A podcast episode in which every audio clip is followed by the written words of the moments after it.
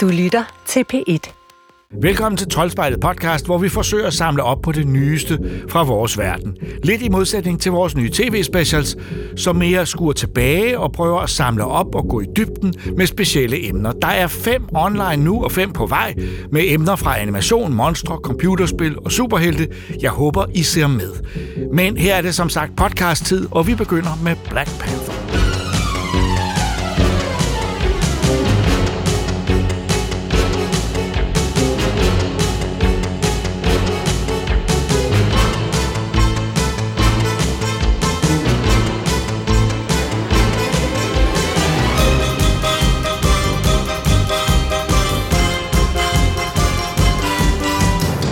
Black Panther er tilbage på lærredet, eller det er han så ikke, men så er der jo arvinger, og det myldrer med nye personer i Black Panther-filmen Wakanda Forever, den nyeste og 30. biograffilm i Marvel Cinematic Universe. Men udover de nye figurer er der også en bemærkelsesværdig filmdebut for en af de allertidligste Marvel-superhelte, skabt dengang Marvel hed Timely. Regita og Ida har set Black Panther Wakanda Forever.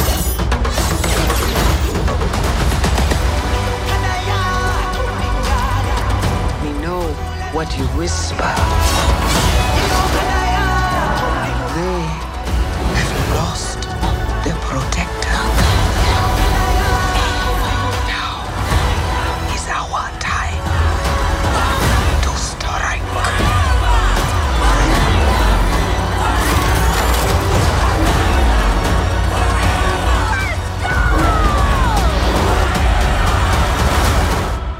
Jeg vil først og fremmest sige, der er jo en virkelig, virkelig smuk hyldest til Chadwick Boseman. Ja. Og det var vigtigt, og øh, det er ligesom det, filmen starter med. Og øh, allerede der, der fik jeg altså ret mange tårer i øjnene, for det er jo ikke, altså det, jeg synes, det er virkelig hårdt. Han døde jo for to år siden mm. af cancer, og han blev kun 43 år. Og det er lige efter den her kæmpe succes med, at han er kong T'Challa og Black Panther, og det er vildt tragisk. Og jeg synes simpelthen, de løser det altså over al forventning. Øhm, og også lidt bruger det. Fordi at det, altså det er jo det, filmen begynder med, at kong T'Challa dør, og prinsesse Shuri, hun desperat prøver at finde et eller andet, der kan redde ham. Ja. Og så kommer hendes mor og siger, nu er han væk. Ja. Øhm, så det er ligesom det der udgangspunktet. Jeg kan godt lide, at de ikke siger, at han er bare lige ude et eller andet sted. Nej, eller sådan. Ja. Altså, det, det er simpelthen noget, de tager ind i den her fortælling. Og, og langt hen ad vejen, eller i hvert fald til at begynde med, handler det jo om sorg. Det er præcis. Det hele filmen handler stort set om sorg og beslutninger, man tager, øh, når man sørger. Måske ikke altid de rigtige, fordi man er så opslugt af hævntørst. For Shuri, hun er jo hun er vred. Hun er vred over, at broren er død. Og hun vil gerne brænde verden ned, siger hun på et tidspunkt. Ja. Øhm, det filmen så handler om, ud over den her soveproces for, øh, for Wakanda, det er jo, at det her vibranium er blevet fundet et andet sted end i Wakanda. Det er blevet fundet under havbunden.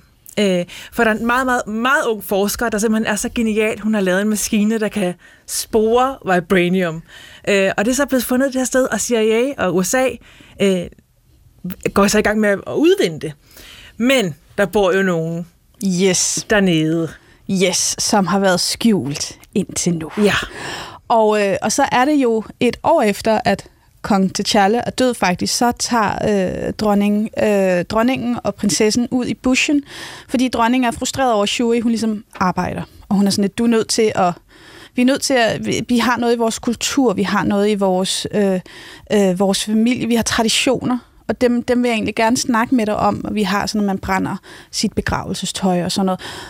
Men ligesom de er i gang med, og ligesom, okay, nu kommer vi ned i det her, og jeg var sådan, jeg var lidt grebet, og jeg synes også, det var en spændende kultur i virkeligheden. Mm.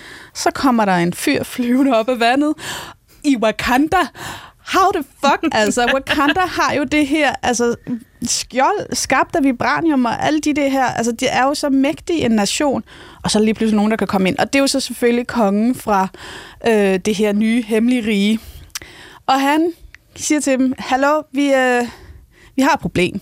I har, I har ævlet løs om Vibranium. Jeg er pissur på jer i virkeligheden. Jeg kan også godt forstå det. Det er okay. Vi, we're good, we're friends, vi, vi er sådan ligesom samme slags, men øhm, I skal skaffe mig hende her, forskeren, øh, eller den her, der har lavet den her maskine, fordi det går ikke. Ja. Der er nogen, der skal have. Der er nogen, der skal dø. Der er ikke nogen, der skal have vibranium ud over Nej. vores to lande. Nej. Nej. Øh, og hvis ikke, at øh, de makker ret og finder hende her forskeren, Riri, tror jeg hun hedder, så vil de gå i krig med Wakanda. Ja. Øh, og det er bare sådan, det er. Så det, ja, og først herefter finder man så ud af, at hun er sådan en MIT-studerende, og altså, ja, hvad skal hun være? 16, 17, 18, 19 år? Hun er i hvert fald teenager. 19, tror jeg. Ja. Og, øh, og det kan Shuri jo så ikke gå med til. Øh, jeg tror aldrig, hun overvejede det seriøst, men, øh, men altså, det kan hun så ikke gå med til. Og så er det jo, åh, ja, jeg synes jo nogle gange, at det er lidt svært, fordi der kommer jo en kæmpe konflikt mellem dem her fra det her rige, som hedder... Øh, Tyler kan, eller sådan noget, ikke? Ja, præcis. Ja. Øhm, så der kommer en konflikt mellem dem her, og de kommer jo også op og slås med hinanden.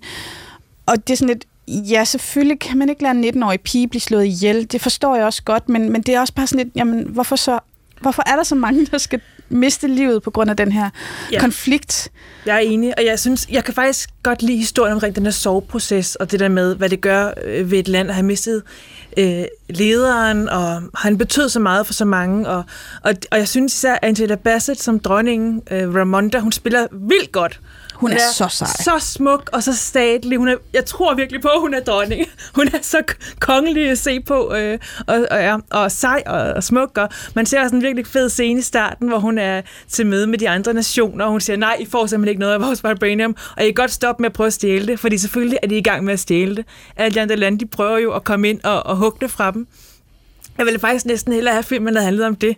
Så det var dem, der var skurken. Men, fordi jeg køber ikke den her konflikt mellem de her to øh, øh, nationer. Øh, og de, kom, de her, de kæmper mod, er jo faktisk nogen fra øh, øh, Sydamerika, der bliver, der bliver øh, der kommer nogle hvide og giver dem kopper, så, de, så mange af dem dør.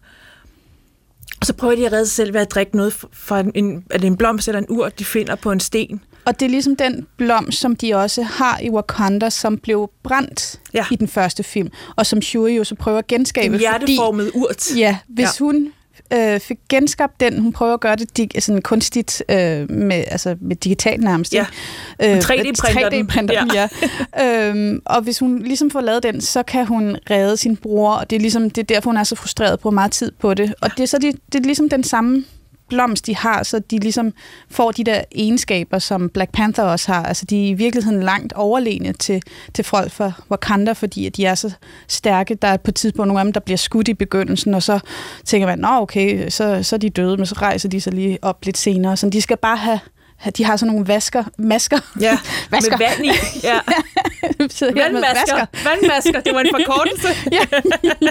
øh, så de ligesom kan, kan gå op på landjord. Men Ja. Namor, han er jo øh, særlig, fordi han var i sin mors mave, da hun havde kopper og indtog den Da her drak det der, ja. saft. Øh, så han er, han er, og han er jo mange hundrede år gammel også, så han er sådan en slags skud og kan flyve og er bare sindssygt stærk. Og sådan. Men jeg, altså, ja, jeg har lidt sympati for ham.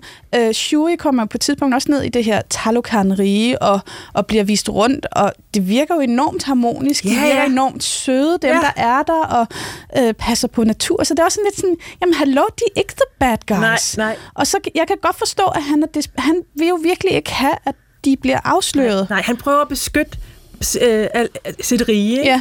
Men, men det bliver dem, der er skurken, det her folk, det her havfolk. Og jeg køber bare ikke den her konflikt. Jeg synes, det er åndssvagt, at de her Ja. to nationer skal slås. Det er meget sjovt. Det havde været meget sjovt, hvis man netop havde, havde gjort det mod øh, NATO og, øh, og øh, alle de her CSI, FBI-ting. Altså, Ja. hvis det havde været dem, der var skurkene, undskyld, det er jo dem, der er skurkene. Det er dem, sådan moderne kolonister på en eller anden måde. Ikke? Øhm, det, det synes jeg personligt havde fungeret meget bedre, så jeg synes, den er lidt rodet. Jeg synes, den er lidt uklar på, hvad den egentlig vil.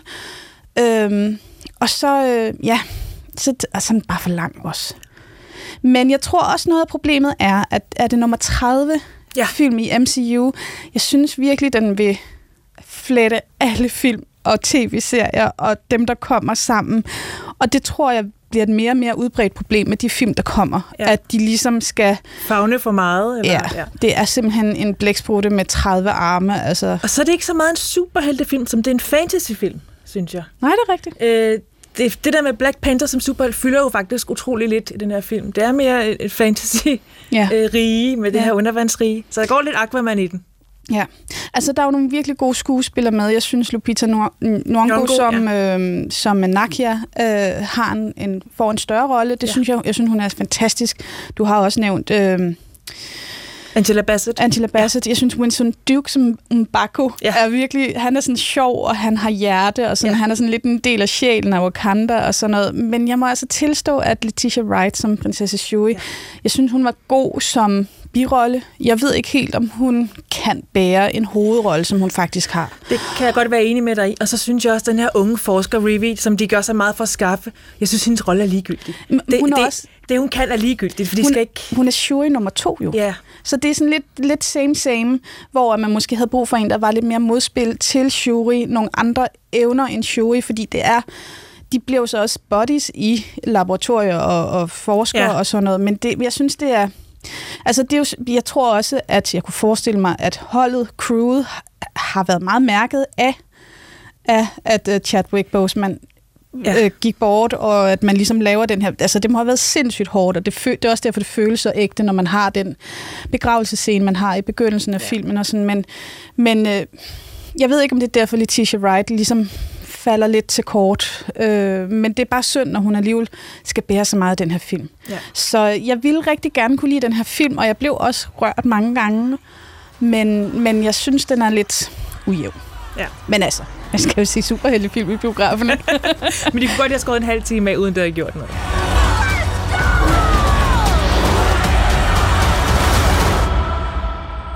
Show them who we are.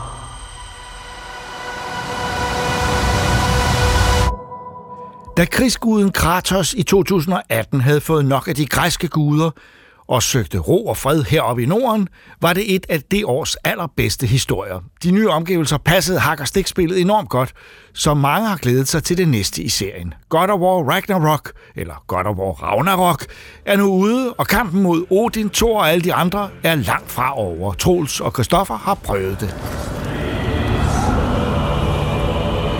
Time is running out. The prophecies say Fimbulwinter leads to Ragnarok. War is coming. My story doesn't end hiding in these woods. I should be out there, finding out who I am, who Loki is. I will not allow you to pick a fight with gods. I don't want to fight anyone. I just want answers. And if those answers lead to war with Asgard, Maybe that's what Mother wanted. we do not know what Mother wanted. Vi har jo spillet det nye God of War Ragnarok, mm-hmm. og det er jo med øh, den gode gamle Kratos, som jo fandme har kæmpet mod øh, alle slags guder snart. Alle de ja. græske smadret og slået ihjel Ja. øh, på sin vej op til, øh, til Norden, hvor han i 2018 besøgte første gang, eller havde gemt sig sammen med... Ja, vel et, en form for soft reboot, er det ikke ja, man det kan man godt kalde det. Øh, han gemte sig jo i, i Norge, jeg tror, det, det er, og, um, og havde gemt sig med sin kone Frej, som de, de havde fået et barn, Atreus, og øh, lige pludselig kom Balder på besøg. Mm-hmm. Så måtte han lige smadre alle guderne nærmest. Ja, ja det, er sådan, det er sådan spillet åbner i 2018, det der Ja. bare hedder God of War. Ja. Øh, og når jeg kalder det reboot, så er det fordi, det, det var lidt sådan et sted, man godt kunne hoppe på vognen og så få noget, altså være med fra starten, uden at, uden at, at, det, at det var starten, men man kunne ligesom sådan springe på ja, og være en del af det. Ja, du havde, man havde ikke brug for at, at spille de gamle spil for at hoppe ind i det her, fordi at man fik egentlig hele historien om, hvem filen ham her Kratos han er. Ja. Øh, nu er det nye så kommet Ragnarok, hvor at det, det er nogle lidt andre udfordringer, der står over for Kratos og hans søn mm-hmm. Atreus. Atreus er blevet teenager nu, Ja, øh, begyndt at tage nogle beslutninger selv. Øh, hvilket er fedt. ja, det er fedt for os spillere, Ja. ikke så fedt for Kratos.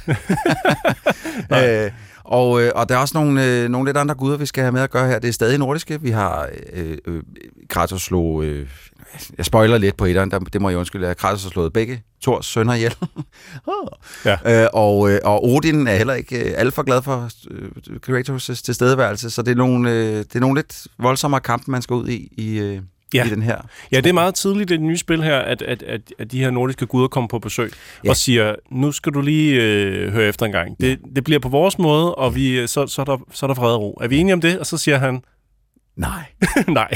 Han siger, det- nej, det skal det ikke. Sådan skal det ikke være. Det er, øh, altså jeg er ikke blevet helt færdig med. Jeg er kommet meget langt ind i det. Jeg er ikke blevet helt færdig med men det har indtil videre faktisk været den bedste sekvens, fordi øh, hvis det her spiller noget, så er det en fantastisk god historie.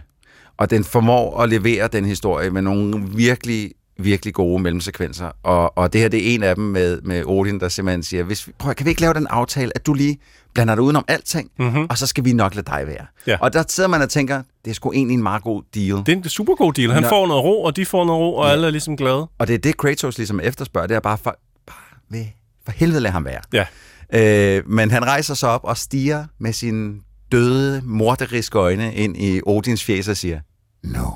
Det er virkelig godt. Det er og så, sidder godt. man, yes! Ja, men hele, hele den måde, at det nye spil her åbner på, Ja. altså det, jeg vil kalde det her en del af starten. Det er også Ja. derfor, vi snakker om det, fordi Ja, ja, det afslører ikke for meget. Man er, man er kun ganske få minutter inde i spillet, før det sker. Yes. Øh, det, er en, det er en solid start. Man er, man er med på vognen helt fra spillet åbner. Helt vildt fed start. Og det havde det gamle jo sådan set også. havde en virkelig fed start, hvor Balder lige pludselig kommer på besøg og siger, hey, jeg ved godt, hvem du er, og you're not welcome. Ja, lige præcis. Øh, hvad hedder det? Så, så, men så fortsætter spillet ligesom, og, og Atreus, han, øh, han er jo... Øh, man bliver lidt hentet til. Nu vil jeg prøve at lade være med at afsløre alt for meget for slutningen af det første, for det ved jeg også, det har du ikke gennemført. Det er en af mine pointer, jeg kommer til lige om Ja. lidt, nemlig. Så jeg vil lade være med at afs- afsløre for meget for det første, men det, det, der bliver hentet lidt til, hen- hentet meget stærkt til i det første, at Atreus er ikke bare Atreus, han er et spe- en speciel figur i hele det her univers. Yes. Og, øh, og øh, man, man, man ved det ikke med 100% sikkerhed, så man leder efter svar, og til de svar, der skal man bruge tyr. Ja. Også fordi, at øh, man har set nogle visioner, nogle, øh, nogle storyboards, hvis man kan kalde det sådan, nogle magiske storyboards, der ligesom viser, at tyr har en vigtig rolle i det kommende Ragnarok. Yes. Det forestående Ragnarok. Ja, og det er jo også fimbulvinter i det her spil. Det er, Det er det er blevet meget koldt, og det er jo, Ja. hvad der sker lige før Det er det. Ragnarok. Og, og øh, igen, lige i starten, de har jo fenrisulven som kæledyr, øh, som er blevet for gammel og simpelthen øh, dør. Ja. I starten også, hvor jeg sad og tænkte, det var da en mærkelig følelse som scene i Ja. starten af det her spil, jeg blev stil. Ja.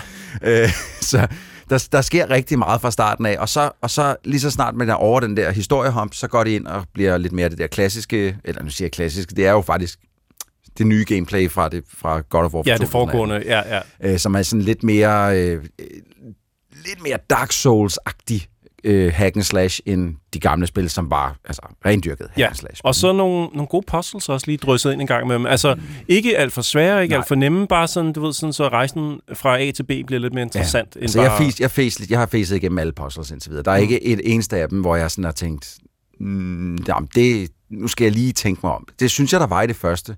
Men jeg synes, de er blevet nemmere her, og det ved jeg ikke, det, det, om det øh, er mig, der har vendt mig til, hvordan de udvikler hos Santa Monica Studios, ligesom laver puzzles, eller det er bare, Ja. fordi de er blevet en lille smule nemmere. Ja. Det kan jeg ikke rigtig finde ud af. Øhm, men for lige at vende tilbage til min pointe fra før, ja. og som du åbnede lidt op for. Ja. Jeg færdiggjorde ikke det spil fra 2018. Nej. Jeg holdt meget af det. Jeg synes, det var virkelig flot og meget dragende. Ja. Men ligesom at starte på en god bog, hvor man tænker, den virker meget god, Mhm. mm. så lægger man den ved siden af sin seng, når man skal sove, og så næste dag har man glemt alt om, man skal læse videre. jeg har simpelthen på det tidspunkt, at det, det foregående God of War kom, Mhm. mm-hmm. ikke fået gjort det færdigt, fordi jeg havde så mange andre ting, jeg skulle mm. spille. Hvorom alting er, når det her så starter, så kan jeg godt mærke, at jeg ikke blev færdig med det foregående spil. Ja. Jeg kan godt mærke, at der er, en, der er en grund til ude i menuen, at man kan vælge et recap, Ja. fordi de starter lige hvor det foregående spil er stoppet. Det er vidderligt, altså... Øh, man starter tilbage i hytten, godt nok, det er ikke der, det, helt der, det første, øh, det første slutter, så vidt jeg husker. Det er et stykke tid siden, jeg gennemførte det, så det, det må jeg ikke holde mig op på, jeg lytter med. Men, men det er vidderligt, altså... Øh, decideret direkte fortsættelse. Ja. Selvfølgelig er der lige gået nogle år, han er blevet teenager og alt Ja, det andet. Ikke? men den taler meget ind i øh, historien. Ja. Altså, den taler meget ind i, at man skal have hørt efter i det første spil, og man skal have gennemført det. Man skal vide, hvilke twists and turns, der har været i det foregående spil, og man skal vide, man skal kende mange af figurerne. Det, det er især slutningen, der skal man lige have holdt ørerne åbne, fordi det er, det er altså slutningen i det første, som, som hele den her efterfølgers historie ligesom Ja. er, er omdrejningspunktet om. Ja. Men Og- i, for eksempel i, i det første, eller nu skal jeg kalde det det første, Ja. ja. det foregående God of War-spil, der møder man på et tidspunkt øh, en fyr, der hedder Brock, som, Ja. ja. som kan lave våben, mm. og hans bror møder man så også efterfølgende, som også kan fikse mm. våben og udstyr og sådan noget. Og det gør man jo også i, i det nye spil her, Mhm. men den bruger ikke tid på at introducere dem, fordi Nej. Det har du jo ligesom fået Ja. i det foregående spil. Ja. Så det er næsten som at se en tv-serie, hvor man starter på sæson 2. Den stopper ikke op og så siger, Nå, kan du huske den her figur, Nej. eller lad os lige få recappet, hvem det er. Det skal du vide. Og det, der er det måske også lige vigtigt at sige, at det her det er, som vi har sagt gang, en direkte efterfølger. Og det gælder både rent teknologisk, men i den grad også historiemæssigt. Ja. Så, så hvis man sidder derude og forventer, at man får et, et full-blown PlayStation 5-spil med de nyeste teknologier, Det er der ikke noget af. Nej, det fordi er, den, den skal jo også kunne køre det på en PS4. Og det gør den med Og- bravur. Og det gør, og både PS4 og PS5-versionen er meget flotte. Ja. Man kan så sige, øh, det er nok ikke et tilfælde af, at du skal ud og have fat i en PS5 for at få den fulde oplevelse. Det Det, er nok jeg- nej. nærmere sådan, at du faktisk i det her tilfælde sagtens vil kunne købe PS4-versionen og være fuldt ud tilfreds, fordi du får ikke meget mere i Nej, en PS5-version. Jeg vil sige, jeg vil, jeg vil, jeg vil anbefale, at man har en PlayStation 4 Pro at spille det på. Ja. Øh, men, men, men nej, det er bestemt ikke nødvendigt at have en PlayStation 5 for at spille det her, fordi det er, det er flot på alle konsollerne. Ja. Øh, og, og det er overordentligt flot. De har fået gjort et eller andet med deres lysmodel, som gør, at øh, i, altså, naturligt lys fra, fra solen Ja. ser helt crazy godt Ja. ud. Altså, Ja. det, det er derhen, hvor man sådan lidt... Har vi brug for raytracing? altså, er, er der nogen grund til, når, vi, når man kan få spil til at se sådan her ud øh, uden raytracing, hvorfor så øh, bruge tid på det? Ja. Men det, det er helt skørt flot, og de, især alle de nye øh, locations, som man ankommer til, der er især, øh, det er faktisk nummer to location, man er på, øh, hvor man øh, kommer til sådan et varmt sted, øh, Svaffelheim, tror jeg det hedder, øh, som er sindssygt skørt flot. Altså, ja. de, de har sådan, det er sådan drøbstens udseende. Alle klipper har drøbsten. Lige meget om de er inde i en grotte eller ude i solen. Det, det er sindssygt flot lavet. Og, og hele det der skift mellem, øh, farveskiftet mellem den kolde vinter øh, og så direkte over i altså varmt, øh, Mm. øh, varme, lune farver og det Ja. blå, kolde vand, som er... Det, jeg, jeg er helt vild med det, Ja. og det, øh, det, det, det jeg, jeg bliver, hver gang jeg kommer til en ny location, så sidder jeg og tænker, nej, hvor er det sindssygt. Og det, når- når du siger nye locations, det er jo også det, der gør det her, det føles som et eventyr. Det føles ikke som... Øh, det er ikke sådan et af de der spil, der hurtigt bliver en pligt at skulle sidde igennem. Nej. Det føles som om, man hele tiden får serveret noget nyt, selvom det selvfølgelig er det samme gameplay hele spillet igennem, men du, du ser nogle nye miljøer, du møder nye mennesker, du, du, du, du bliver virkelig præsenteret for et, et, et helt univers, mm. føles det som. Og derfor er det også, i min hjerne i hvert fald, et af de bedste spil i år. Altså, fordi det, det har den fulde pakke af, af underholdning, og øh, altså det, det er nok også fordi, jeg lige har siddet med det der Gotham Knights, der, øh, Ja. det, det er svært at gå mellem de to spil, og så ikke blive virkelig lykkelig, når man, når man hopper ind i War. Ja, altså øh, jeg vil sige sådan, jeg er øh, dels enig. Jeg synes også, at det, her, det er klart et af de bedste spil i år. Øh, jeg vil dog sige, at der, det ligger og kæmper mellem et Elden Ring, som jeg jo elsker højere end livet selv nærmest. Og, ja. og, og der, hvor at jeg måske, hvis, hvis jeg skal have nogen, noget negativt, eller bare mindre positivt at sige om God of War Ragnarok, så er det, at altså i forhold til det første, er det bare mere af det samme. Mm. Det, altså det er der, hvor jeg synes, at Santa Monica Studios excellerer. Det er i deres historiefortælling. Ja. Fordi jeg synes, øh, det gameplay, de lavede til, til øh, Call of, øh, undskyld, skulle jeg sige Call of Duty, God of War fra 2018, var på det, det tidspunkt ret nyt for serien. Øh, det var stadig hack and slasher, men det var mere øh, brutalt, øh, langsomt og, og, øh, og knap så arcade som, som de tidligere God of War-spil. Mhm. Hvor at det her, det er virkeligheden fuldstændig det samme. De har, øh, de har lagt nogle nye special moves ind og sådan noget, men det, der er ikke sket meget på den front. Nej. Ikke at det gør noget. Det, altså, jeg kan virkelig godt lide, at de bare har sagt, prøv at, det meste var allerede perfekt i det ja. første. Vi behøver ikke gøre så meget ved det. Vi, det rykker vi over i det nye, laver nogle nye locations, en spritny, fed, fed historie. Værsgo. Ja. Og så er det jo, øh, skal vi også huske, det er måske et af de teknisk øh, mest komplette spil, der er udkommet overhovedet, og det gælder både på PlayStation 4 og 5 der. Det er, det, der har ingen problemer været med at køre det på nogen som helst måde. Nej, det er ret imponerende. Øh, og derfor også et, et af de titler, hvor jeg sådan tænker, hvis man er en, en, en PlayStation øh, entusiast, eller man skal Mm. sige, så er det jo nærmest, selvskrevet, det her, ja, det er en af dem, man ligesom skal have, været igennem. Øh, nu siger du, at der ikke er sket meget siden, mm-hmm. så lad mig lige pege på en af de ting, som jeg sætter pris på, der, der er en forskel. Mhm. Man får sindssygt mange muligheder for at, at tweake spillet i menuerne. Altså inde i, ikke sådan, du ved, menuerne, hvor man, hvor man kan opgradere sin, sin rustning mm-hmm. eller Mhm, noget, men jeg mhm. tænker på, øh, når man trykker start og kommer ind i, øh, i, i settings for. Ja. selve spillet. Du kan virkelig ændre mange ting i det Ja. her spil. For eksempel bare det der med, om du vil øh, hoppe øh, på, på cirkel eller kryds, Ja. eller om du vil for eksempel også autosamle ting ja. Op, bare du går hen over dem, eller om du har lyst til at trykke på en knap for at samle ting op, mm. Når du går hen over dem. Altså alle mulige små, sådan bitte små ting, du kan ændre på, hvordan du har lyst til at spille ja. Spillet. Det kan jeg godt lide.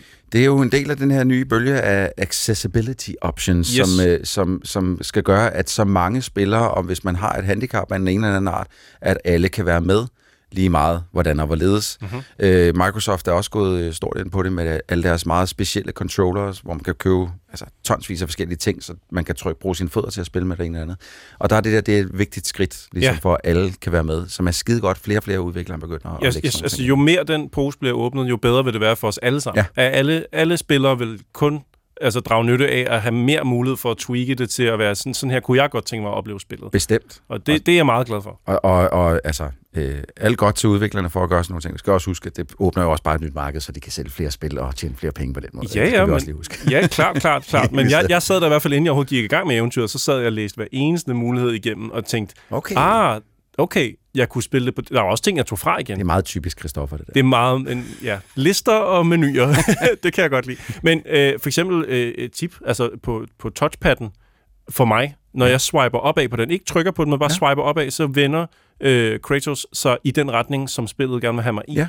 Øh, så, så det næste punkt, jeg skal til, hvis jeg swiper bare lige over min PS5-controller, så vender han sig automatisk i den retning, som, som næste mål er. Ja, ja.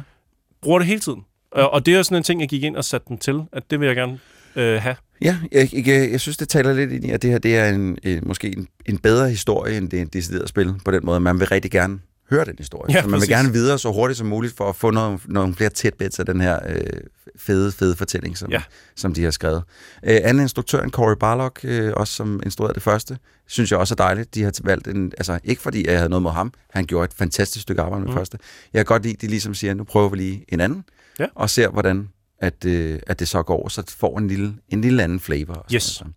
Så det, øh, men er det, det, så det er en anbef- er det en lille anbefaling? Det er, en, ej, ikke, det er en stor anbefaling. Det er en Det stor. anbefaling. Det er svært ikke at anbefale. I, altså i den her periode lige nu, der, der vil jeg pege på det som værende det spil, der er værd at, Ja, at spille. det, det er julegaven, ikke? Øh, Og du er helt derude? Ja, det er julegaven. Til PlayStation 5 er det julegaven. Altså, hvis, det, Elden Ring og, og, altså, og Horizon for den sags skyld, hvis man er til det, det ligger så langt bagud nu, mm. så altså, det her, det er, det er julegaven til, Jamen, til God of War. Ja, og, og hvis man er øh, en af dem, der er så heldig at eje en PS5, lad os sige det, Mhm. mm-hmm. og man har spillet Miles Morales, der var ligesom sådan en tid, hvor den var Ja. den nærmest fuldt med konsollen. Ikke? Ja. Det var sådan kongen af, okay, du har Ja, ja, ja. maskinen, jamen så spil noget Miles Morales.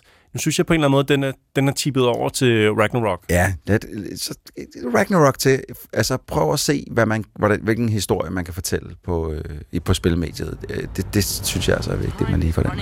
Helt sikkert. The prophecies say Fimbulwinter leads to Ragnarok. War is coming.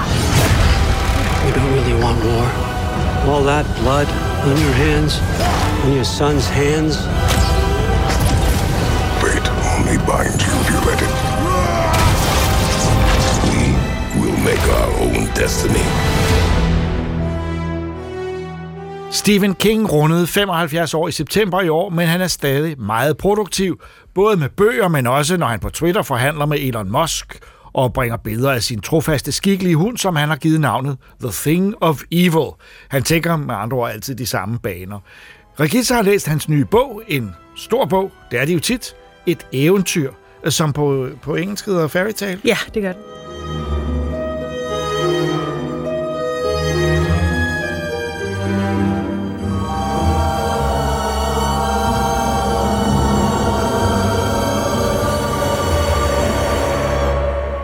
Og er det så et eventyr? Det er det i noget af bogen. Øh, Den føles lidt som to forskellige bøger, der er blevet øh, klasket sammen. Det handler om 17-årige Charlie, som har haft en forfærdelig barndom. Hans mor dør, da han er syv år, øh, i en frygtelig ulykke på en bro, øh, hvor hun bliver, ja, det, der bliver beskrevet noget, som er meget Så der ubehageligt. er horror Stephen King i gang der med lidt makabert. Og så øh, har han jo sin far, som så bliver dybt alkoholiseret af det her tab af moren. Så drengen må klare sig selv og passe faren. Det Og lyder rejselsfuldt. det lyder rædselsfuldt, og det er meget, meget rørende og hårdt.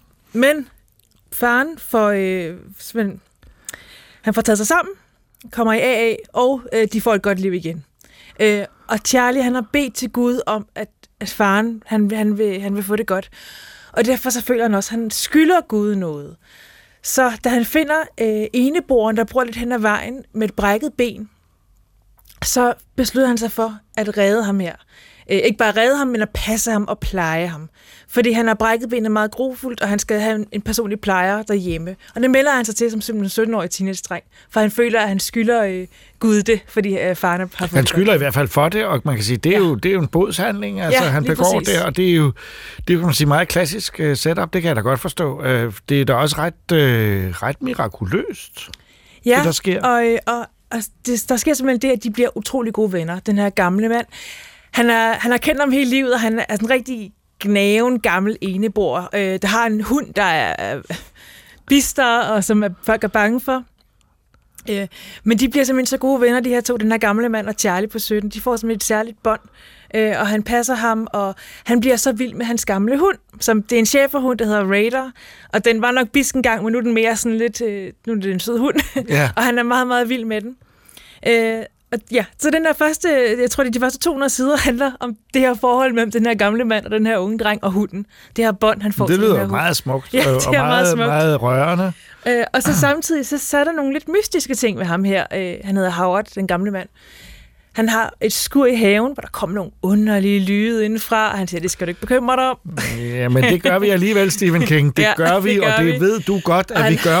og han har også nogle små guldkugler i huset. Han har utrolig mange penge, og de forstår ikke helt, hvorfor, øh, hvor han har fået dem fra. Så det viser sig selvfølgelig, at øh, den Ikke, her... ikke afsløre noget. Nej, men den hedder jo et eventyr. Ja, Og der er mange eventyrreferencer, den her, og der er selvfølgelig en anden verden, som han kommer ned i. og den er i skuret af portalen til den. Skuret er nemlig portalen til den her anden Hvordan kunne jeg gætte det? Og det er så anden del af bogen, hvor han så øh, er i den her eventyrverden. Er det så øh, en eventyr eventyrverden med referencer til eventyr, vi kender? Der er nemlig rigtig mange referencer. Øh, Det er der gennem hele bogen. Han har set utrolig mange TCM-film med sin far.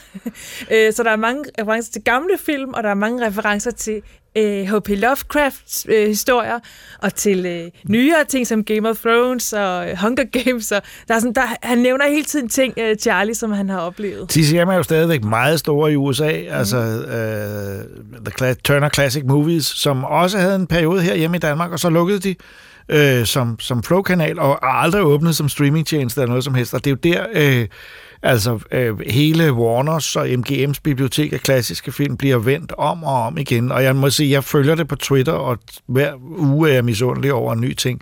Øh, så han er altså en dreng, der i dag er opdraget til klassiske Hollywood-film. Ja, han har set Ah, det med- han har set det med sin far, da han så Åh, hvor var godt. lille, ikke? Ja. Og, øhm, og den her hund er jo så centrum for meget af det, for den er gammel og syg, og han vil så gerne redde den, og det kan han måske i den her eventyrverden. Øh, men det betyder så, at han skal udsætte sig selv for nogle farlige ting. Det lyder da som en fantastisk historie, men også som en af de der Stephen King-historier, hvor han blander lidt af sig selv ind i det. Jeg nævnte det oppe i starten, helt uden at vide, at det havde noget med historien at gøre, at han, han går meget op i sin hund, og det er en meget trofast, gammel, skikkelig hund, han har, og han kalder det The Thing of Evil, øh, altså Stephen King. i hans sit, så han har en nær tilknytning til hunden øh, i sit privatliv, og åbenbart også i, i, i denne her historie. Mm. Så er det Stephen King? Noget af det er det måske. det kan godt være. Og øh, den har også rigtig mange referencer til Jack og Bønnestein for eksempel, og altså andre kendte klassiske eventyr, som Rumleskaft bliver også nævnt rigtig er meget. der så også en kæmpe? der er nemlig også en kæmpe... Åh, oh, nu afslører du noget. ja, Øh, og der, der er rigtig, rigtig mange forskellige ting. Jeg vil ikke sige så meget om den. Øh, men jeg kunne næsten bedre lide historien, der foregik i den rigtige verden. Øh, jeg synes, jeg synes, den er en simple historie med den her 17-årige dreng, der bare er verdens bedste menneske. Ja.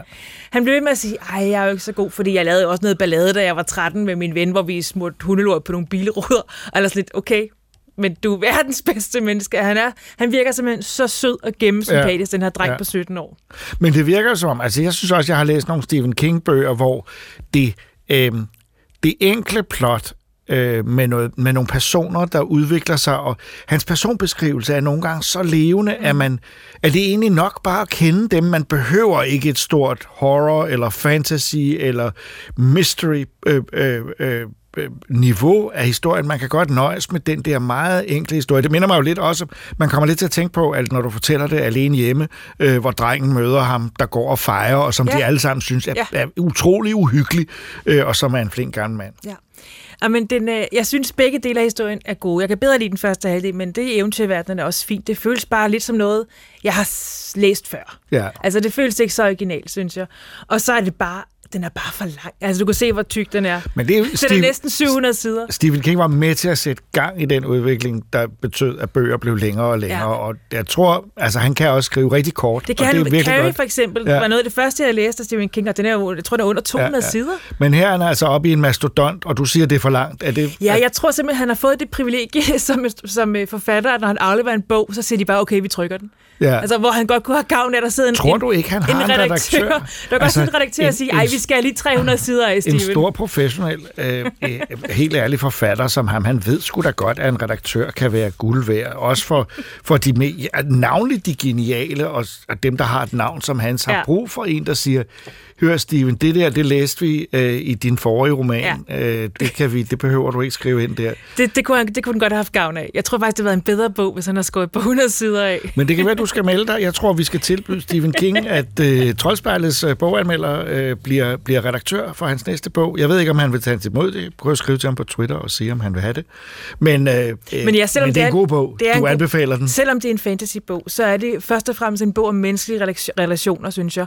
Og især det her bånd mellem et barn og et kæledyr. Ja. Hvor stærkt det kan være, og hvor meget han udsætter sig selv for, Ja. for at redde den her hund. Og det er lige før, jeg næsten fik lyst til at få en hund selv. Og det er store ord fra Regitte, som ikke er kendt som verdens største hundeelsker, eller hvad? Nej, præcis. Nej, godt. Så med andre ord, du har været ved at blive omvendt af Stephen King, ja. og øh, det er jo det, han kan. Øh, han kan jo fortælle, så man virkelig øh, bliver revet med. Men samtidig en anbefaling, men man skal have forståelse for, at den måske er lidt for lang. Ja, præcis. Stephen Kings Et langt eventyr. Det hedder den ikke, men det er den.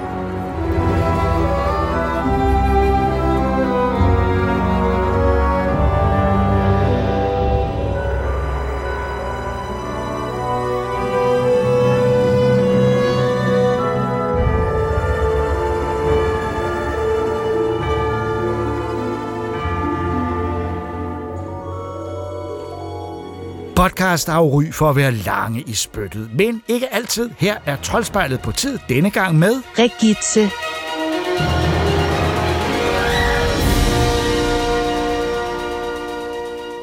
Jeg har længe været trofast fan af de hollandske spiludviklere Rusty Lake, og har derfor set frem mod deres nyeste spil, The Path Within, i lang tid. Deres peg- og klikspil er helt særlige, makabre, ulækre og humoristiske, med en meget simpel og genkendelig visuel stil, og opgaverne har en meget tilpas sværhedsgrad. Det er også tilfældet med deres nyeste titel, The Past Within, som dog skiller sig ud på et væsentligt punkt. Man kan ikke spille det alene. Sammen med en ven skal man samarbejde om at genopleve Albert Vanderboom i hver sin tidsalder. Svarene på gåderne findes enten i fortiden eller i fremtiden, og derfor skal man kunne tale med sin medspiller under hele forløbet, uden at se på vedkommende skærm. Det er en meget speciel form for multiplayer, og hvis ens medspiller er lidt langsom til sin del, så kan man godt komme til at kede sig lidt undervejs. For man kan ikke komme videre selv. Spillet byder på et par timers bizarre og stemningsfuld underholdning, og så koster det kun 25 kroner. Det kan spilles på mobil, tablet eller Steam, og kommer også til Switch på et senere tidspunkt.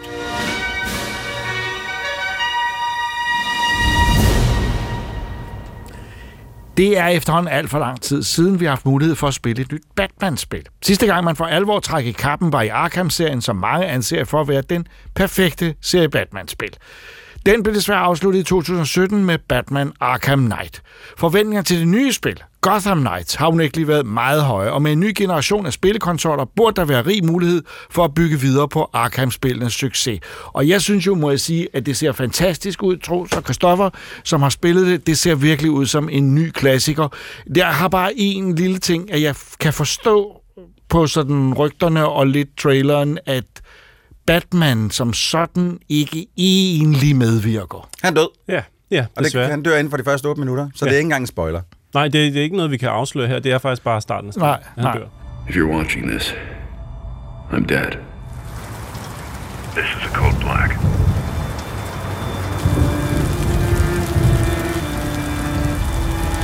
This message was automatically triggered when I destroyed the cave and everything it contained.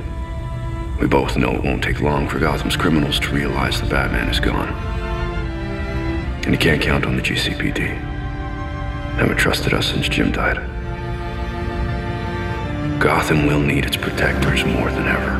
Batman er ikke med i spillet, som hedder Gotham Knights. Det hedder så heller ikke Batman Gotham Nej. Knights. Så, så det her er så hans efterfølger, Nightwing. Gothams ridder. Ja, Nightwing, Red Hood, Robin og Batwoman. Ja. Det er jo heller ikke dårligt. Nej, men det er jo egentlig teknisk set tre Robin og Batgirl. Ja. Altså, ja, teknisk ja, tre forskellige Robiner, som jo har haft forskellige køn og udformninger i de sidste mange år efterhåånden. Ja. Øh, der os, er vi- os, der er tilbage i fortiden, kan kun tænke Robin selvfølgelig, fordi det er. Men øh, både Nightwing og... Øh, Og Red Hood, ja. ja. Øh, ja, og det, det Er eneste, Robin. det mærkeligste vi så, altså lige ved de her fire helte, det er så, at vi skal slæbes med en Robin, som ser usandsynlig grim ud. Han har, jeg ved ikke hvorfor, men de har simpelthen skabt det grimmeste kostume til en Robin nogensinde. Og Robin, nu har du set en del Batman og Robin igennem din tid, og Robin har haft nogle ret sjove kostymer. Jeg kan også huske, da jeg var barn, der havde jeg et ret, min mor havde syet et ret flot øh, for tiden Robin-kostyme til mig, men det var åndssvagt. Det Robin-kostyme, der er i det her spil, er endnu mere åndssvagt. Det er simpelthen den tåbeligste jakke, jeg Men nogensinde har altså ikke, at vi ikke gerne vil høre meget om dine robin Jeg siger det bare. igennem tiden. øh, og det synes jeg er fint. Øh, helst ikke om de nyeste, men, men, øh, men lad os nu fokusere på Gotham Knights, fordi det lyder til, at der er et eller andet galt med Ja. det her spil. Det er gået Øh, helt galt. Ikke, Fuldstændig. ikke et eller andet galt. Der er, Alt der er galt. meget galt med det her spil. Det er ret ærgerligt, faktisk. Fordi Ja. ja. jeg, havde også, jeg havde faktisk ret høje forventninger til det. Fordi at jeg elskede så meget de mm. foregående Batman-spil, og man tænker lidt, når formen er lagt, så kan det jo ikke være så svært at kigge på det og så sige, godt, vi gør det en gang til, og så spiffer vi det bare lidt op i hjørnerne. Men det her, det, det falder helt Og heller ikke det pointen med fire figurer. Altså, der er jo ikke noget galt med at... Altså, det er jo bare os, der synes, det er mærkeligt, men teknisk set kunne man godt lave et godt spil, hvor Batman var død. Selvfølgelig, ja, selvfølgelig kunne det det. Især, Så hvad især, er det, der er galt? Ja, okay. øh, lad- hvis, hvis, hvis vi tager det helt fra starten af. Øh, øh, nu har jeg spillet det på, øh, på PC, og du har spillet det på, PS5. på PlayStation 5. Mm-hmm. Øh, PC-versionen øh, kan jeg ikke anbefale på nogen som helst måde. Rent teknisk, simpelthen fordi det kører helt af helvede til. Øh, det har det, der hedder microstutters, som, så spillet er aldrig flydende. Og det er skide irriterende. Men en anden ting er så også, det er en af de, de første ting, du bliver gjort opmærksom på i det spil, det er, at du skal slås. Det er et Batman-spil. Vi kender Arkham-serien. Et af de, øh, de genopfandt hele kampsystemet.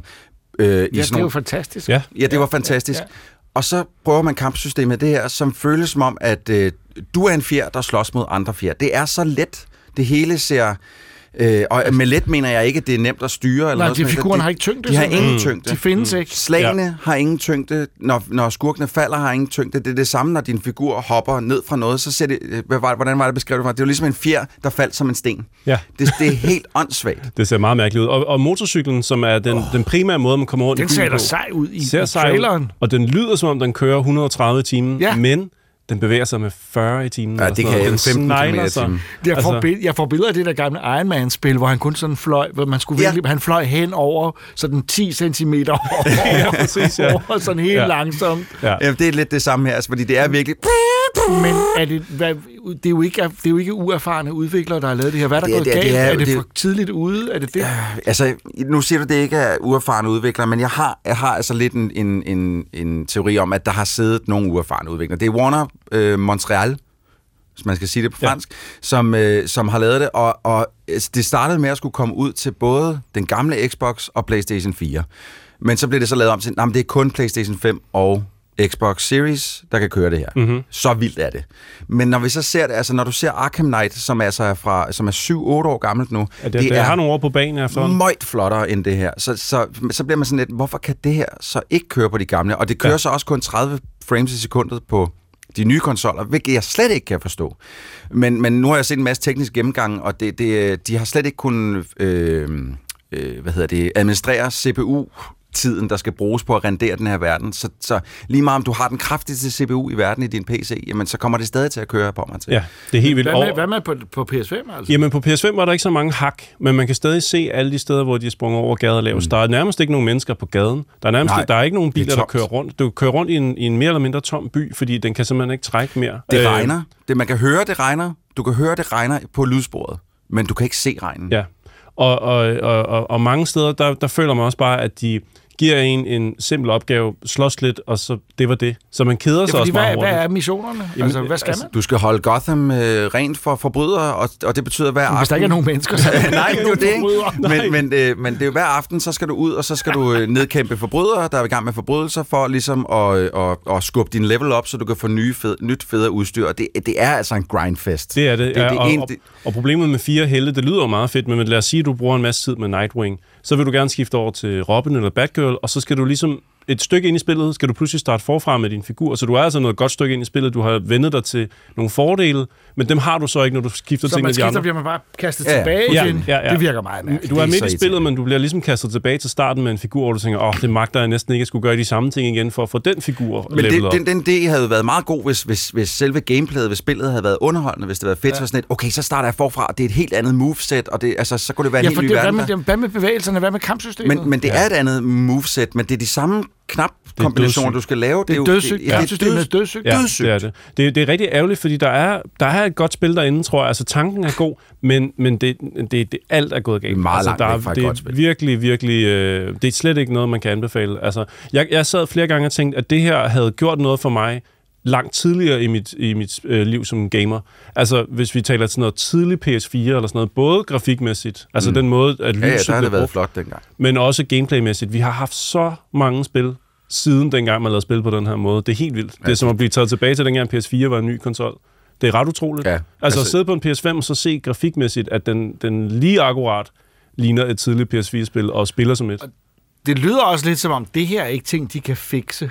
Nej, Nej. det, det, Det, der er, er, det ligger så dybt i, i, i starten på Ja, spillets det, udvikling. det, det er at de kan ikke lige fundamentalt dreje noget. gameplay-problemer. Ja. Nej, det Nej, kan de sgu ikke. Det kommer ikke med... Altså, Jacob, når, når man bliver mødt, altså lige når jeg, da jeg startede spillet, og så fik øh, kom igennem sådan lige den første tutorial-bane, hvis man kan kalde den det og sådan noget, så, så bliver du så smidt ind i en menu for at sige, du kan jo huske, du skal kunne opgradere din figur, jo, det er det, der er hele ideen med det her. Ja. Du skal opgradere din figur. De menuer er Altså, det er som at sidde og spille Gran Turismo øh, med de menuer. De er så, øh, så, øh, så øh, øh, hvad hedder det, pakket ind i sig selv, så der er så mange knaptryk for at komme ind bare og opgradere øh, en handske eller en eller anden. Øh, og det, det, Ja. det, det er alt sammen noget, der tager tid væk fra det, der skulle være det mest underholdende. Ja. Ja. Det er at rende rundt i byen og nedkæmpe forbrydelser, som så ikke engang er underholdende. Så Og så synes jeg helt- også, at meget tidligt også, jeg har registreret, at, at de tidligere Batman-spil har været meget smagfulde. Der har været noget Mhm. stil og noget klasse Ja, over bestemt. det. Og det er fuldstændig væk fra Ja. det her. Det har ingen sjæl, det har ingen øh, smag, ingen stil. Det er bare et, et brag. Og det starter også med 8 minutter af, hvor du sidder, uden at trykke på noget, så sidder du bare og kigger på Batman og slås mod Ra's al Ghul. Og du sidder, det er en lang cutscene. Og det føles mere som at kigge på det der, der hedder Injustice, hvor to. Ja. superhelte slås uden grund. Altså de der øh, øh, Mortal Kombat-agtige spil, hvor to bare tørner sammen, og de vælter rundt, og ting eksploderer, og man sidder bare og kigger og tænker, jamen jeg, jeg har ikke investeret, jeg er sådan set lidt ligeglad, og så dør Batman, og nu skal du spille de her fire helte. Værsgo. Og man er lidt sådan, jamen, i har ikke rigtig sådan fortjent, at jeg bruger tid Slet på det her. Man bliver bare sat ned i det her. Gotham, den er tom for mennesker, og nu skal du ud og bekæmpe Og Gotham forbrydere. kan ikke være tom for mennesker, medmindre der er sket noget meget alvorligt. Hele Det er pointen med det er, at det er New York, det er en stor by, mm-hmm. der mylder med mennesker. At den gamle vits har altid været, at Batmobilen er jo ikke noget værd, for den kan ikke komme frem i trafikken. Og det vil sige, det, det, er lige, det, det, det er en... øh, Altså, og sådan skal det være. Ja, Ja, og det, ja. det, man kan undre sig over, er, at nogen kan gå så galt. Warner, okay, de har også lavet dårlige film. Øh, øh, øh, Jo, to det- mention er a en few. del. Øh, En del. Men det, det er synd, at vi ikke får Batgirl-filmen nu, men til gengæld et Batgirl-spil, teknisk set, som er så dårligt. Altså, så det, de, Men kan, kan vi, vi bare lige, det er ikke fordi den her anmeldelse skal trække alt for langt ud, fordi det vi kan alle sammen godt blive enige om. Det, det er lidt sørgeligt. Det er et Ja. skidt, skidt spil. Men, men vi bliver nødt til bare lige, jeg bliver nødt til bare lige at sige, altså, at det her spil, med den her åbning af, at de dræber Batman, og det er Rachel al der ligesom, det er ham, man kæmper imod, da han dør, men det, det, det hele sker ved, at Batman egentlig dræber sig selv ved at eksplodere hele Bathulen. Og der kan jeg ikke lade være med at tænke, altså hvis I gerne vil have det her, det på en eller anden måde skulle betyde noget for mig, så er det ikke, så skal Batman ikke tage livet af sig selv. Så er det Rachel al der skal dræbe ham på en nederen måde, sådan så jeg kan sidde bagefter sådan lidt, så er det kraftedeme nok. Nu mm. skal jeg spille de Ah, her du fire vil have figurer ud. et hævnmotiv, Ja, jeg, ligesom jeg, Batman giv mig har. Ja, selvfølgelig. Giv mig en, en grund til ligesom Men at sige, det har nu skal man de ikke. her. Det er lige. Intet. Det, han, har bare, han har bare sådan et, ja, jeg har altså valgt at tage livet af mig selv, fordi det var det ikke, jeg kunne gøre. Så værsgo, nu får I de Som her værktøjer. Batman jo Ja. ja. taler. Jamen, det er- det er- fuldstændig. men i sådan en tid Men her, hvor... hvor Rigtig mange mennesker er vilde med det her spil. Nej, vel? Nej, nej, nej. Jeg tror, det, har fået, det er blevet panet rimelig hårdt. Ja. øh, Og i sådan en tid her, hvor at, øh, altså, man måske ikke har råd til alle spil i hele verden, og der så samtidig også kommer sådan noget som God of War nærmest lige oveni. Ja. Ja. Altså, det er virkelig svært at anbefale, at man skal bruge tid det, på det, det, det er her. lige op til julesalget, det her. Og der, der er det altså vigtigt, at vi lige går ind og sætter en fod ned og siger, det er ikke det her spil, man skal have i julegave. Ja. Også hvis der er nogen, der lytter, som har tænkt sig og har, har hørt, at, som ikke selv spiller, og som har hørt, at de der Arkham-spil, det var bare det fedeste, ja. Ja. og nu er der kommet et nyt. Mm. Det, skal, øh, det skal min bedste ven have Væk, væk, til væk, væk. julegave. Altså, du, de gamle Arkham-spil er stadig så gode, så du kan faktisk hente dem ned yes. Til, til Det er en bedre PC idé. eller Meget konsoller. bedre. Plus, Spil dem igen. Du kan, du kan købe alle tre for mindre end den pris, det nye her koster. Ja. Altså, nogle gange anbefaler vi ting, nogle gange er vi lidt usikre. Her er vi overhovedet ikke usikre. Nej, det, vi fraråder altså, selv, selv hvis det i en trailer ser sådan, altså det, det, det glimter lidt og ser pænt ud, du vil kede dig i løbet af ganske kort tid. Hvad var det, du, du kom hen? Jeg sad lige her og, og spillede en lille smule herude på kontoret ja. Ja. i uh, fredags, og så kommer Christoffer hen lige for at se, hvor, hvor, hvor jeg er henne. Og så kan han se mine ben, de bare kører sådan her op og ned, fordi jeg keder mig så meget. Min, min krop er sådan lidt, nu Ja. skal der ske noget, kom nu. Ja, og der var et sted, hvor jeg vidste, at jeg, jeg sad fast. jeg kunne ikke Nå, ja. ja. hvad spillet ville, men jeg sagde det ikke til Troels. Så kiggede han bare over skulderen og tænkte, ja, du sidder også fast ligesom mig. Jeg skal bare lige se dig også gøre det. Simpelthen forfærdeligt. så forfærdeligt. Ja. Jamen altså, Troels og Christoffer fraråder øh, på alle måder. Yes. Gotham Knights. Jeg går lige hjem og spiller det og finder ud af, hvor godt det er. A wise, cracking disappointment. Is that all you see when you see yourselves? Because I see more. Master Bruce saw more. He saw greatness. He saw potential.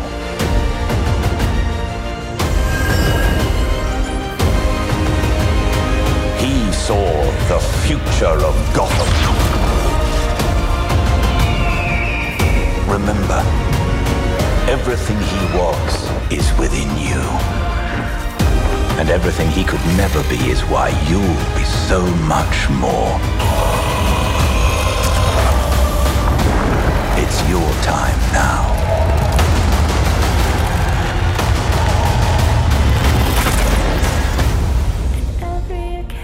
Nogle tegneserier ligner noget og er noget andet, for en stilart, man forbinder med helt bestemte ting, kan jo godt bruges til at fortælle en lidt anden slags historie. Det så vi i den berømte Mausart Art Spiegelman, hvor tegneren brugte funny animal-traditionen til at fortælle om jødeforfølgelse i nazitiden. Helt så voldsomt et ærne har tegneren Pau ikke. Men hans serie Atlas og Axis er alligevel et ret overraskende bekendtskab.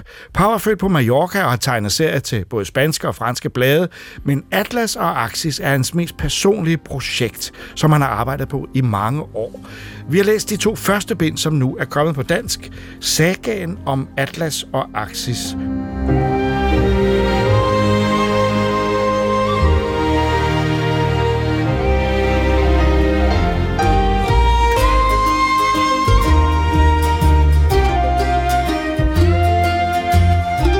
Øh, der står faktisk i pressematerialet, at det her er en serie øh, for børn.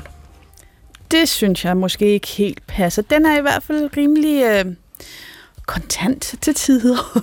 Den er ikke bange for, at øh, krig, død, ulykke, øh, det er faktisk meget det, det handler om. Ja, fordi det er et stort fantasy-eventyr, kan man sige, og alle personerne er øh, dyr, øh, hvor venner er hunde. De er super nuttede. Ja, Det er virkelig. derfor, man tænker, det er for børn, Meget hyggelige nu- nuttet, og de begiver sig rundt i en verden, hvor der altså er virkelig mange trusler, og hvor der først og fremmest, og det er, jeg synes ikke, det er en spoiler at sige det, for det er lidt også en advarsel, der er altså død. Ja. Altså i virkeligheden så handler det jo, til at begynde med, handler det om, at Atlas og Axis øh, har været ude og skal hjem til deres by. Øh, og de glæder sig til at komme hjem til, til Atlas' øh, søster. Jeg mener, det er Atlas. Nu kan jeg, ikke, jeg faktisk ikke lige huske, hvilken af hundene, der har været. Men en af dem søster. De er, de er også lidt ens på en eller anden mærkelig måde, selvom de ser forskelligt ud. Ja, øh, den ene af dem er en afghansk mønne i hvert fald, og det, det er hans søster, de skal hjem til. Og så kommer de hjem til, til deres by, og så er der simpelthen bare været død og ødelæggelse. Jamen, der, er- den er blevet smadret Den er som blevet en, smadret. en, en, Det- det er en ligesom, der ukrainsk har- landsby, ikke også? Altså, det er meget virkelighed på Der en eller anden måde. været en trup, eller hvad man skal, der har været vikingtogt i virkeligheden. Det er Ja, jo sådan lidt ja. det, det er. Ja. Der har været nogen at have og plyndre og slå ihjel og stjæle valpe og tæver. Ja, det er, Er vel- meget vemmeligt, faktisk. Jo, det er det. Og, og tegningerne her er jo altså utrolig hyggelige og rare. Den er, det, jeg kan huske, du sagde lidt, øh, at, at den minder lidt om bogen, ikke også? Jo, jeg synes, der er Øh, en og bogen. Jeg synes faktisk også, der er noget sten og stoffer over den. Det er i Øh, hvert fald en og- meget hyggelig, meget udtryksfuld, men også lidt... Øh, øh, sådan lidt gammeldags stil, som, øh, som man ikke kan lade være med at lade sig fange af, øh, men som langsomt går op for en, at for eksempel hundene her også altid efter nogle får. Ja, og de får er jo, det er jo ret sjovt. Altså, får er jo... Øh, øh, der er jo en teori om, hvorfor at får... Vi, vi skal næsten ikke spoil, men der er i hvert fald en teori om, hvorfor at forknogler altid er spredt rundt over det hele. Der ligger ikke bare et, et, et et for øh, skelet, sådan pænt og ordentligt, hvor det ligesom er dødt, og så ligesom er formuldet øh, blevet en del af jorden. Næ, knoglerne er spredt over det hele, og hvorfor er de så det? Det har de nogle teorier om, og det bliver brugt. Altså, den er virkelig sjov, den her.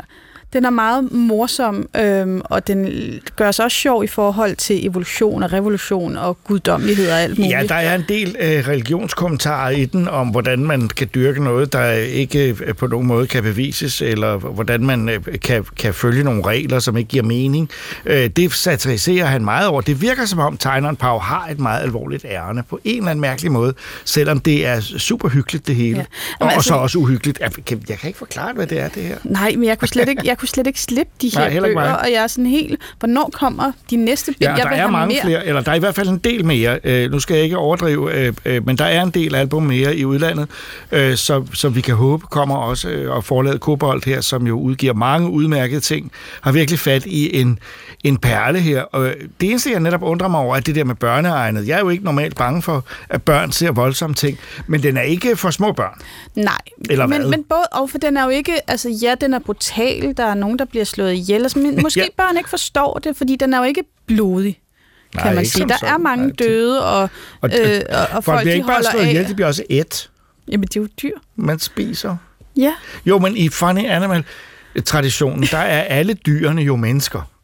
Og vi spiser ikke hinanden. Altså alle indbyggerne i Anneby er jo mennesker, hvad vidt de er ænder eller hunde eller noget andet. De spiser jo and og sådan noget. De sidder der og spiser Jo, kød jo, og de ved middagsbordene. hotdogs, ja, jo, og, det jo, Jo, ja, men det gør det. det- men, det men, er men, det, den men her, fjerne måde, det er den måde, vi mennesker adskiller os fra, at vi Ja. rent faktisk dræber dyr. For, men det her er en, en gammel, det er, en, det er jo, øh, som du siger, vikinger, så vi er vel et eller andet sted i vikingetiden, middelalderen, blandet lidt sammen. Øh, Der er i hvert fald ikke våben andre end, øh, end svær og, og den slags ting. Der bliver ikke skudt nogen, så vidt jeg husker. nej, Øh, er der nogle, er der nogle øh, sådan enkle revolver? Det kan jeg dårligt nok huske Nej, det er der ikke. Det er der ikke. Øh, nej, det er pil Men der er eksplosioner og, og indimellem, og den slags. øh, og, og så er der øh, øh, sådan fredelige landskaber med en krohister her. Og Jamen, en, der er en meget hyggelig kro Ja, med den er faktisk en, en central i bamse, der historien. hedder, Ja. en bjørn, der hedder Fnuk, som Ja, er meget sød som og hedder. Fnuk og er kæmpestor. Ja. Ja, er Ej, men, sødt. og i nu ved jeg jo ikke, hvad, hvad hun har heddet oprindeligt, Fnuk. Øh, men jeg vil altså lige rose vi gerne. Han har simpelthen... Spru- det er en sprudlende oversættelse, fordi at det er jo hunde, så de siger ikke hvad, de siger vaff. Ja, det er og så nogle er godt. der små detaljer ja. rundt Ja. omkring, altså, hvor jeg virkelig tænker, at, at han har haft det sjovt med det Oversætteren her. Vigan øh, Ja. er også teksteren af det her, altså håndteksteren, så det er, det er sådan et, et samlende stykke arbejde, hvor man virkelig kan mærke, at oversætteren har fornemmelse for det her univers og holder af det på samme måde. Men jeg synes, det er meget rigtigt, du siger det her med, at det her funny animal med, at det er mennesker, men de, de er dyr her også, det der Det med, er at de der nemlig. ligger, en, er altså, de der deres- ligger noget deres- afføring, og så er de sådan Præcis. noget, her, det er ikke en af vores, og sådan, ja, den stinker og sådan noget. Og det er det, der er anderledes end Funny Animals normalt er. Ja. Øh, fordi de er de dyr, de er. De kan bare tale. Samtidig med, at de jo netop så sidder og har evolutionsdiskussioner og sådan noget. Det, Ja, det er meget, meget det er fint. virkelig sjovt, Ja. ja. altså. Øh, og vi kommer jo også til, til øh, langt ud i, i Rus, sådan de russiske stepper, eller sådan, altså mongolske ja. ja, stepper Ja, i virkeligheden, ja, ja. og møder hunderaser der. Ja, som fordi er det, sp- Ah, men- det, det, der er jo et, eventyr, der er en saga et sted øh, i det her, Der er men det flere, fortsætter, synes jeg. og, og det, det er mange missioner på én gang, og, og hvor, øh,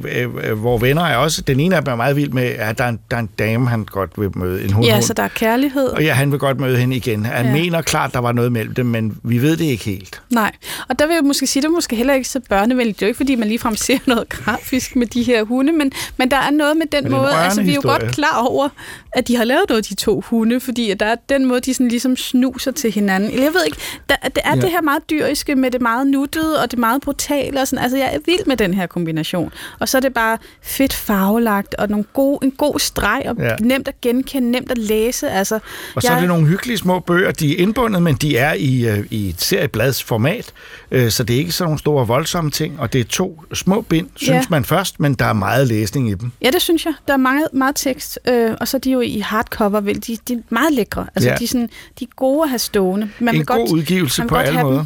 Ja. Den vil man godt have, man Det er godt have flere af dem. øh, altså julegave, det er jo snart jul, altså det er helt klart noget, der oh, burde ja, ligge det er under juletræet, det her.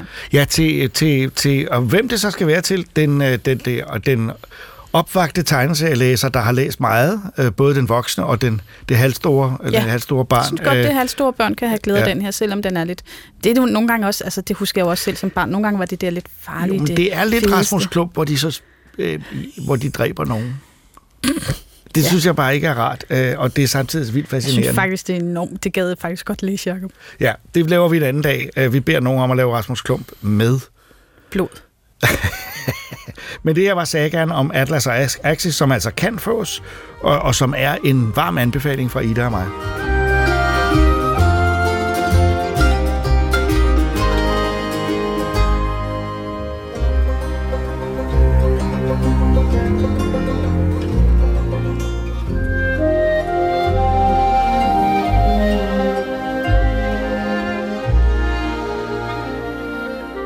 Når man siger japanske monstre, svarer de fleste Godzilla og kompagni, og det er også meget logisk, for de fylder meget. Men der var faktisk masser af monstre i japansk mytologi før Godzilla steg op af havet, og en del af dem befolker en ny miniserie, som kombinerer computeranimation og stop motion. Vi har set Oni, legenden om Tordenguden på Netflix. Every hundred years, the evil Oni will breach our village and devour us alive. The Oni will eat us? Alive? so gross. Every kami, young and old, must work together to defend our mountain from the Oni. I'm counting on you to develop your Kushi. Mr. Naradon, how are you? It today, Sashi.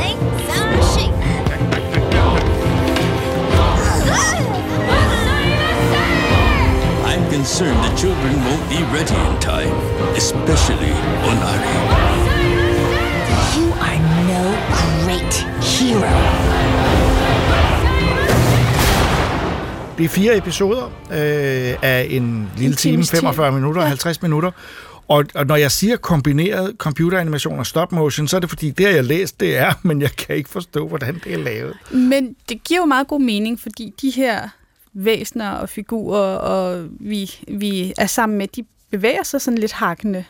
Det gør de, og, og, og, og vi var diskuteret, at det, er det computeranimatorer, der bevidst har vil lave noget, der ligner stop motion, eller er det stop motion blandet med lidt øh, CGI-opsamling ja. af det. Og jeg tror, øh, nu hvor jeg har læst øh, mig til det sidste, at det er nok sådan, det er. Ja, altså fordi at baggrunden, altså hele den her verden, den her fantastiske, fantasifulde, magiske verden, man befinder sig i, er utrolig smuk. Der er ingen tvivl om, at den er computeranimeret.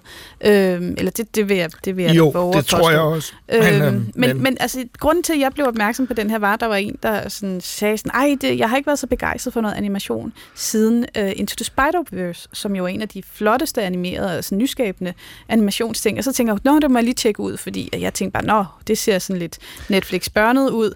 Og så synes jeg bare, det er noget af det, det, er noget af det hyggeligste og Ja, det rareste, jeg har set i oversigten. Altså man tænker, at det her kunne være et eller andet Ja. ja. øh, øh, øh, koreansk dusinprodukt, og de producerer virkelig mange af sådan nogle ting. Men den er altså skabt af en fyr, der hedder Daisuke Tsutsumi. Øh, Ja, fra et lille animationsstudie, der hedder Tonko House, som øh, det er 10 år gammel, læste mig til, og øh, skabt af en henholdsvis en amerikaner og en japaner, som hvis der har arbejdet på Pixar, og så ligesom tænkte, nu vil de lave deres eget, de har lavet en kortfilm, og det synes de var så fedt, så vil de ligesom øh, lave mere. Øh, de har også lavet den, der hedder Drømmedragen, eller Ønskedragen, som kom en animationsfilm. Det har i hvert fald været med ind over, som jeg virkelig også godt kunne lide. Men her, det som er den helt store appel, og som jeg elsker den for, det er lidt ligesom at kom med i, i Chihiro, altså den øh, Miyazaki-film, men at man ligesom finder ud af alle de væsener, som besøger det her badehus i den her verden, som Okay, Chihiro det er kommer der, til. er, ja. øhm, det, det er lidt der, man, man får lov at altså, være ja, med. ja, det, det, når man siger monstre, så er det jo en japansk opfattelse af monstre som sjove, spændende, farlige på én gang. Og, og det er jo også dem, det, de kalder yokai-monstre, som, som har optrådt i... Faktisk, der er en del gode film om dem. Og det er altså øh, det er sådan en blanding af spøgelser og væsener, der nogle gange hjælper en, og nogle gange er frygtelig farlige, og som optræder i former af paraplyer eller stjerner eller mærkelige ting og sager. Der var også nogle med i Starman-serien i sin tid i 60'erne. De dukker op mange steder, og her har de altså en film, hvor, hvor de er over det hele.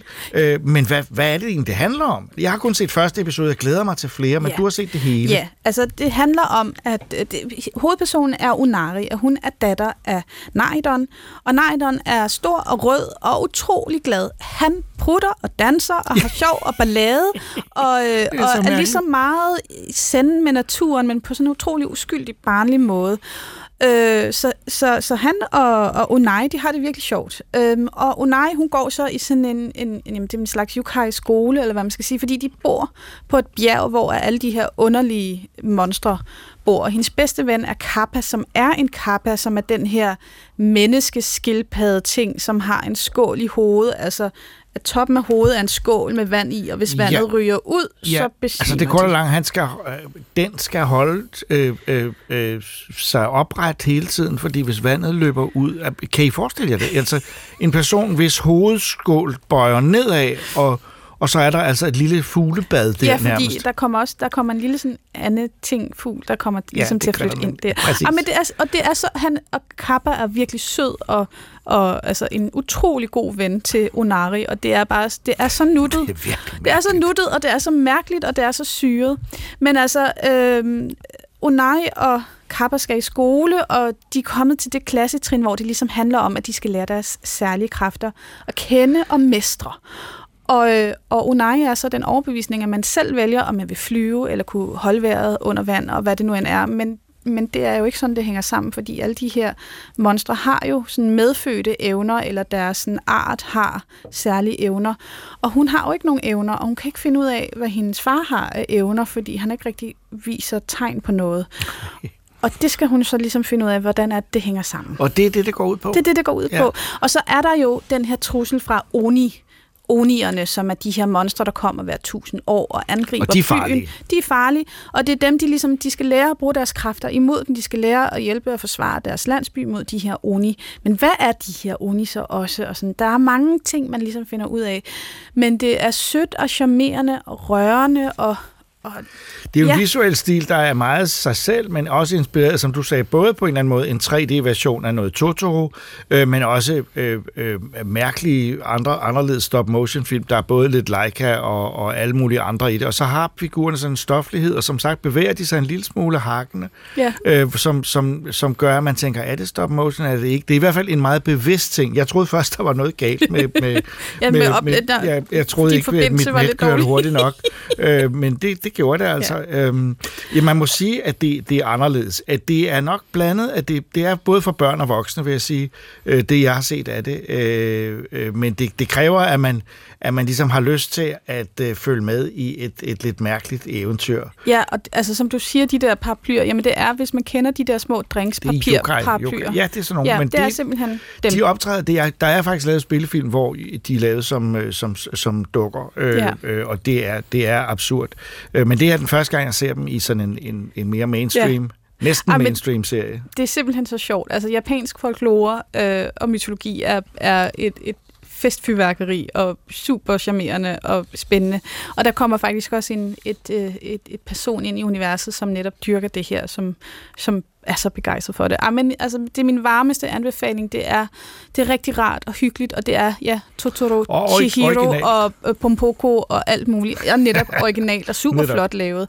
Øhm, så det, altså, det, det er i hvert fald ikke spildt, og det er fire afsnit, og så... Og, og, og tak til Netflix for at, at, at, at ligesom lukke den slags ting ind, fordi det har ikke været billigt det her. Der har skulle lægges nogle penge på bordet for at få det til at blive til noget. En ting, jeg vil sige, er, at jeg havde lige tænkt, er det her en japansk eller amerikansk? Og det er en amerikansk produktion med japanere, eller er det, en jap- det er lidt blandet. Jeg valgte altså at se den med japansk lydspor, øh, fordi det giver den der særlige Ja. anime-stemning. Det gjorde jeg også. Det er netop sådan, altså... Det, det er bare lidt mere nuttet, når Men- de har det der lidt overgearet, som de jo ofte har i anime. Men der er dansk tale til den, øh, hvis man vil se det. Og børnene skal se med, og der er også engelsk tale, hvor for eksempel øh, George Takei, den store Star Trek-skuespiller fra de, den originale serie, øh, har øh, rollen som Mr. Tengu. Øh, men øh, jeg vil så sige, selvom det vil være sjovt at høre ham, så foretrækker jeg, og det vil jeg også gøre, når jeg ser den færdig, øh, at se den på japansk. Så altså en anbefaling af en lidt sær øh, animationsserie, det passer ja. også jo godt. Øh, Oni Thunder God's Tale hedder den på engelsk, og på dansk Oni Legenden om Tordenguden på Netflix.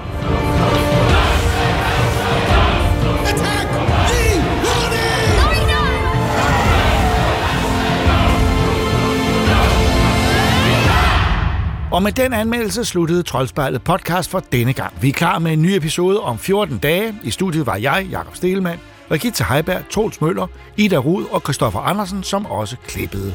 Tak fordi I lyttede med.